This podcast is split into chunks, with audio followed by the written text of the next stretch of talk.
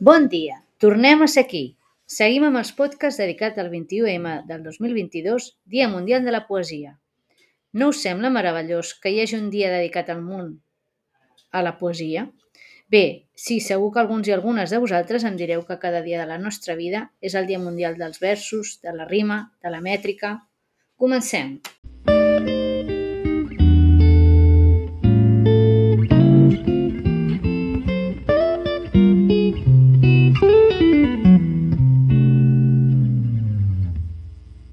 Avui parlem de poesia i per això hem convidat a la nostra col·laboradora Núria. Bon dia, Núria. Com estàs avui? Bon dia, molt bé. Doncs comencem. Com és la teva definició de poesia? Poesia mm, és la vida mateixa quan la mires amb aquests ulls diferents, aquests ulls que et fan tenir uns sentiments especials, veure els moments especials. Mira, el color del cel sempre és blau, però hi ha moments en què aquest blau és poètic. Doncs pues això per mi és la poesia. Molt bonic, molt bonic. Creus que el fet que hi hagi un dia mundial dedicat a aquest gènere fa que la gent llegeixi o s'interessi més per la poesia? Sí, sí, i tant. Tots els dies mundials o els anys, aniversaris, efemèrides, tot això ajuda molt a que la gent sortim de la nostra quotidianitat i, i ens dediquem a coses boniques. I l'any de la, el dia de la poesia, un dia a l'any, doncs és molt necessari perquè ens fa recordar. A part, hi ha molts actes que s'hi pot participar i que ajuden. Molt bé. Digue'm un poeta que t'agradi. Un, poet, un poema que m'agradi... Poeta, poeta. Doncs molts, és que són tants. Podem dir... L'Espriu, podem dir. Molt bé. Um, abans de seguir amb l'entrevista, uh, afegiré una pregunta que no estava al guió, però uh, um, com podem fer que els infants d'avui s'apropin a la poesia? Doncs mira, mm, amb això ens hem de remetre a la Joana Raspall, que es va fer bibliotecària precisament per fomentar entre els infants mm, l'afició a la lectura i en concret a la poesia. I ella escriu poesies molt maques i algunes d'elles dedicades als infants. Molt bé, moltes gràcies. El 2022 és l'any Ferreter, com bé saps. Per què creus que se li dedica tot un any a aquest poeta? Perquè és el centenari del naixement eh, i perquè també és el cinquantenari de la seva mort, perquè, clar, ell va decidir que volia morir amb 50 anys, no volia viure més, va ser una decisió doncs, també poètica, si tu vols mirar, i, i mira, doncs això es commemora i tots els que el van conèixer, doncs, per exemple, el Salvador Oliva, que jo vaig tenir ocasió d'escoltar-lo parlant de Ferreter, doncs et transmeten tot allò que ell transma, transmetia en els seus contemporanis. Recordes algun poema obert de Gabriel Ferreter? Com ens el vols llegir? Sí, Sisplau. puc llegir un parell, potser. Eh, un més intimista, eh, ell tenia molta gràcia, al Ferreter, amb d'escriure sentiments íntims i de relació íntima amb la persona que estimava, i es, de, es diu No una casa, perquè no es tracta d'una casa, es tracta d'un paisatge amorós, però mm, creat per la poesia també. Si ara poses la mà que em faci una taulada damunt del front, serà sencera una caseta, al pit una paret, i m'amago el racó que fa amb l'altra paret al braç. I fora, dona, Mira la serralada dels coixins, el recer on se't recull el càndid ample hivern dels llençols. A la carena mira l'or tevi de la làmpara, sol clavat a la posta, que sagna delicat i no diu que sofreix. És el nostre paisatge, dona. Fins a arribar-hi jo també he corregut camins dubtosos. Dona, amaga més la cara al racó del meu pit. No em miris i no em deixis veure'm dins els teus ulls la figura poc certa, sense pedra ni aplom.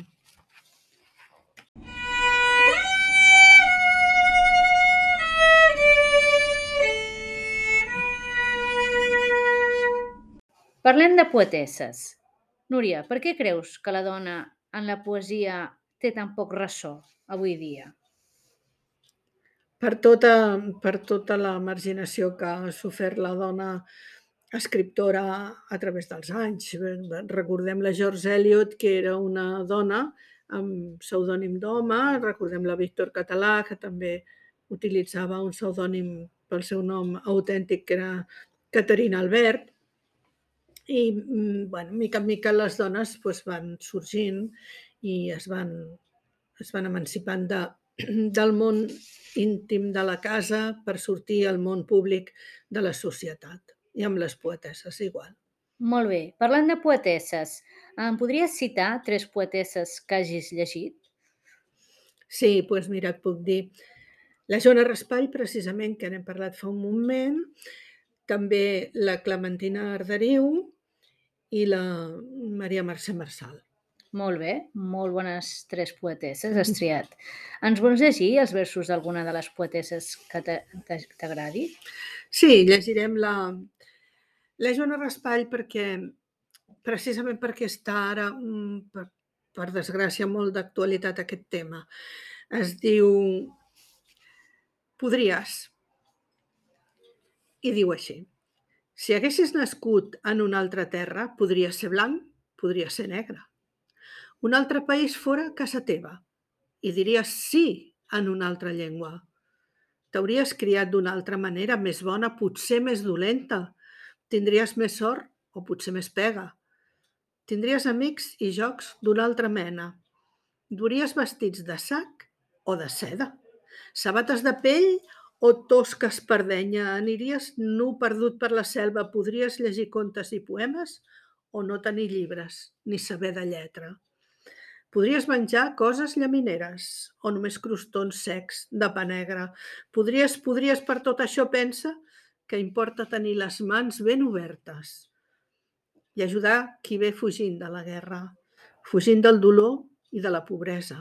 Si tu fossis nat a la seva terra, la tristesa d'ell podria ser teva. Duries vestits de sac o de seda, sabates de pell o tosques per denya, o aniries nu, perdut per la selva. Podries llegir contes i poemes o no tenir llibres, ni saber de lletra. Molt bonic.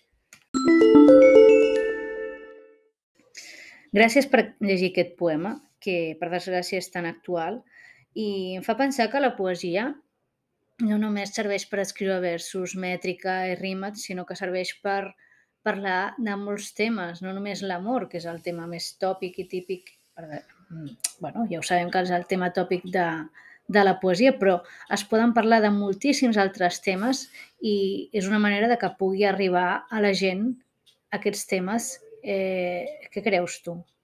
Que sí, que sí, que la poesia ho trastoca tot en el bon sentit, perquè coses que costen de, d'acceptar, en aquest cas, per exemple, doncs, l'exili, les migracions, el patiment, les desigualtats, doncs mira, la Joana ha sigut capaç, ha estat capaç de, de poetitzar-ho i, i a que arriba a tothom, arriba als infants, arriba als adults, arriba a tothom. Molt bé. I per acabar, creus que una cançó es pot dir que és un poema? Sí, aquest és el cas del, del Bob Dylan, que va rebre el Nobel, el Nobel de Literatura per, eh, tot, no sense controvèrsies per part d'alguns, però el va rebre. Per què? Per les seves cançons. Si no haguessin estat poètiques i literàries, ningú s'hagués fixat del jurat del, del Premi Nobel, ningú s'hagués fixat amb ell. I sí que realment, sobretot aquestes cançons de, dels anys 60, quan deia pues, fins quan l'home haurà de patir per manca de llibertat, i tot això doncs, són eternes, són, són clàssiques ja. Molt bé, moltes gràcies, Núria. I ara, per acabar, d'aquí un moment, posarem un trosset de Blowing in the Wind de Bob Dylan. Blowing in the wind, the answer is blowing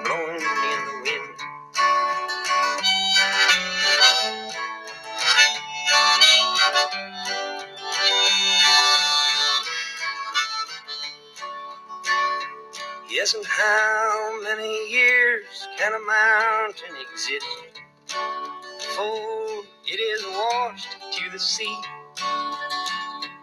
Yes, and how many years can some people exist before they're allowed to be free?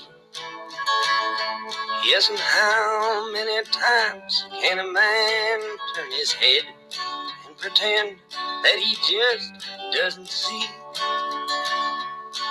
The answer, my friend, is blowing in the wind. The answer is blowing in the wind.